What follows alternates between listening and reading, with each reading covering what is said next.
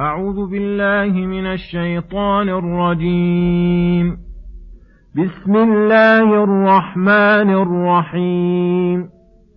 الحمد لله الذي خلق السماوات والأرض وجعل الظلمات والنور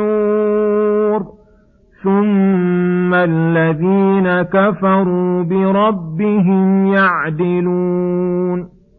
هو الذي خلقكم من طين ثم قضى أجلا وأجل مسمى عنده ثم أنتم تمترون وهو الله في السماوات وفي الأرض يعلم سركم وجهركم ويعلم ما تكسبون وما تأتيهم من آية من آيات ربهم إلا كانوا عنها معرضين فقد كذبوا بالحق لما جاءهم فسوف ياتيهم انباء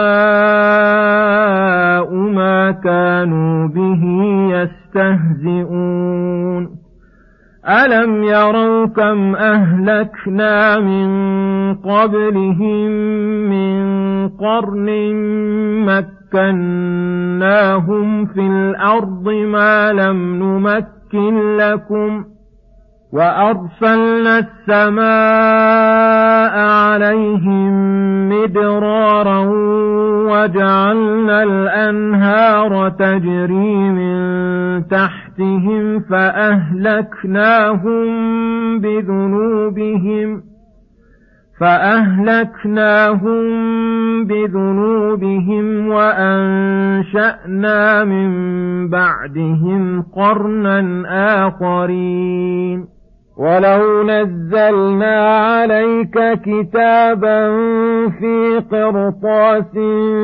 فلمسوه بايديهم لقال الذين كفروا ان هذا الا سحر مبين وقالوا لولا انزل عليه ملك ولو أنزلنا ملكا لقضي الأمر ثم لا ينظرون ولو جعلناه ملكا لجعلناه رجلا وللبسنا عليهم ما يلبسون بسم الله الرحمن الرحيم السلام عليكم ورحمة الله وبركاته يقول الله سبحانه الحمد لله الذي خلق السماوات والأرض وجعل الظلمات والنور ثم الذين كفروا بربهم يعدلون.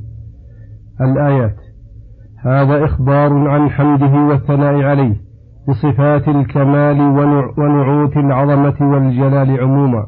وعلى هذه المذكورات خصوصا فحمد نفسه على خلقه السماوات والأرض الدالة على كمال قدرته وسعة علمه ورحمته وعموم حكمته وانفراده بالخلق والتدبير وعلى جعله الظلمات والنور.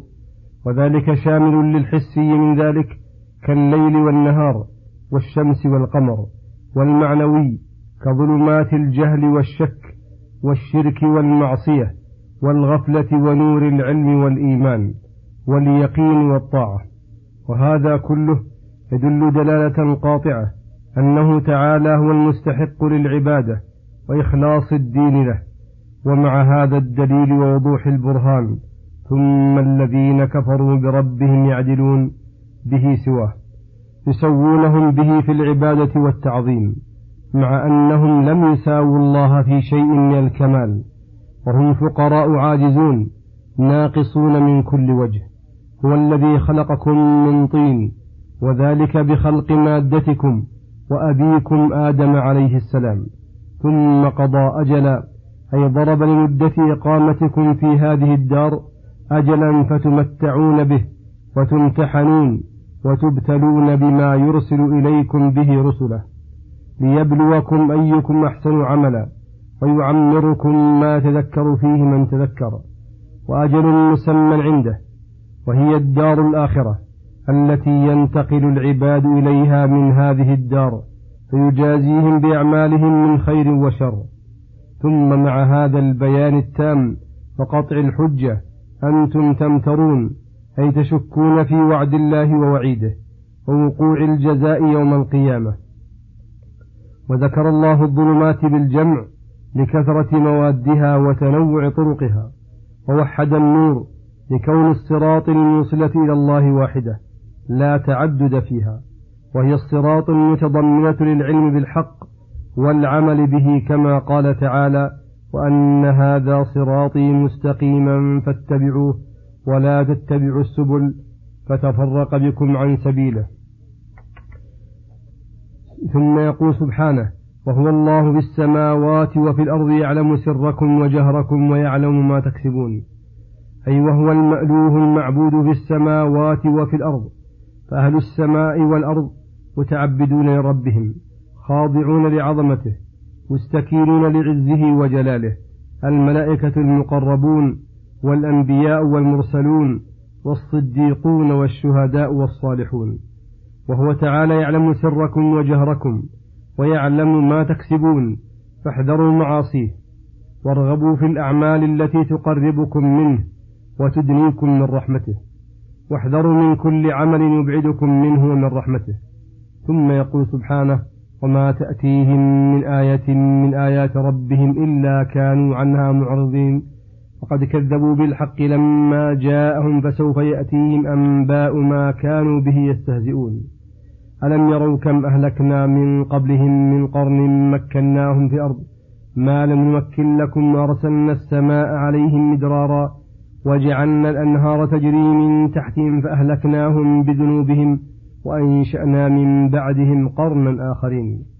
هذا إخبار منه تعالى عن إعراض المشركين وشدة تكذيبهم وعداوتهم وأنهم لا تنفع فيهم الآيات حتى تحل بهم المثلات. فقال وما تأتيهم من آية من آيات ربهم الدالة على الحق دلالة قاطعة الداعية لهم اتباعه وقبوله. إلا كانوا عنها معرضين لا يلقون لها بالا ولا يصغون لها سمعا.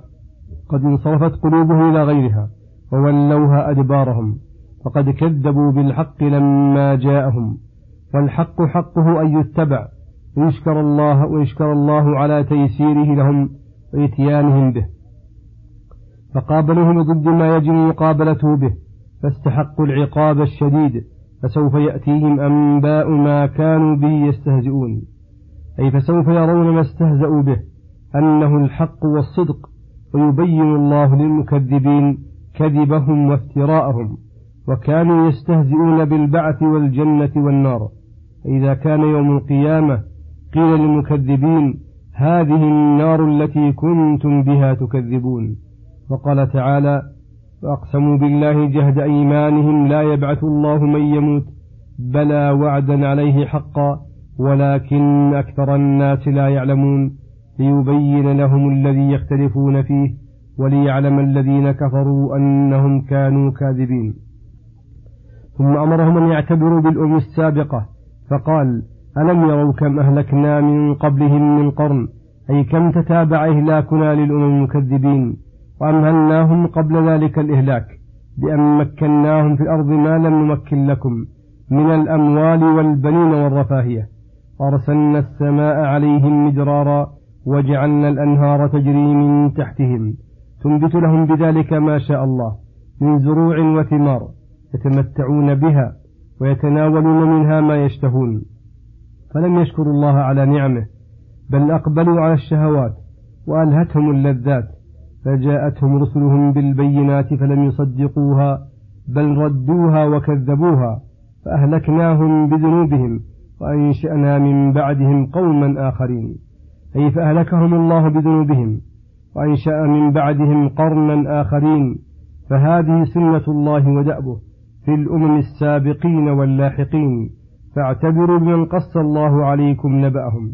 ثم يقول سبحانه ولو نزلنا عليك كتابا في قرطاس فلمسوه بأيديهم لقال الذين كفروا إن هذا إلا سحر مبين الآيات. هذا إخبار من الله لرسوله عن شدة عناد الكافرين وأنه ليس تكذيبهم لقصور فيما جئتهم به ولا لجهل منهم بذلك إنما ذلك ظلم وبغي لا حيلة لهم فيه. فقال ولو نزلنا عليك كتابا في قرطاس فلمسوه بأيديهم وتيقنوه لقال الذين كفروا ظلما وعدوانا إن هذا إلا سحر مبين فأي بينة أعظم من هذه البينة؟ وهذا قولهم الشنيع فيها حيث كابروا المحسوس الذي لا يمكن من له أدنى مسكة من عقل دفعه. وقالوا أيضا تعنتا مبنيا على الجهل وعدم العلم بالمعقول لولا أنزل عليه ملك أي هل لا أنزل مع محمد ملك يعاونه ويساعده على ما هو عليه بزعمهم أنه بشر وأن رسالة الله لا تكون إلا على أيدي الملائكة؟ قال الله في بيان رحمته ولطفه بعباده حيث أرسل إليهم بشرا منهم يكون الإيمان بما جاء به عن علم وبصيرة وغيب. ولو أنزلنا ملكا برسالتنا لكان الإيمان لا يصدر عن معرفة بالحق ولكان إيمانا بالشهادة الذي لا ينفع شيئا وحده. وهذا إن آمنوا والغالب أنهم لا يؤمنون بهذه الحالة. فلو لم يؤمنوا لقضي الأمر بتعجيل الهلاك عليهم وعدم إنظارهم لأن هذه سنة الله في من طلب الآيات المقترحة فلم يؤمن بها. إرسال الرسول البشري إليهم بالآيات البينات التي يعلم الله أنها أصلح للعباد وأرفق بهم مع إمهال الله للكافرين والمكذبين. خير لهم وأنفع. فطلبهم فطلبهم لإنزال ملك. شر لهم لو كانوا يعلمون. ومع ذلك فالملك لو أنزل عليهم وأرسل لم يطيقوا التلقي عنه ولا احتملوا ذلك ولا أطاقته قواهم الفانية. ولو جعلناه ملكا لجعلناه رجلا لأن الحكمة لا تقتضي سوى ذلك. وللبسنا عليهم ما يلبسون. أي ولكان الأمر مختلطا عليهم وملبوسا. وذلك بسبب ما لبسوه على أنفسهم. فإنهم بنوا أمرهم على هذه القاعدة التي فيها اللبس وعدم بيان الحق. فلما جاءهم الحق بطرقه الصحيحة وقواعده التي هي قواعده لم يكن ذلك هداية لهم إذا اهتدى بذلك غيرهم. والذنب ذنبهم حيث أغلقوا على أنفسهم باب الهدى وفتحوا أبواب الضلال. وصلى الله وسلم على نبينا محمد وعلى آله وصحبه أجمعين.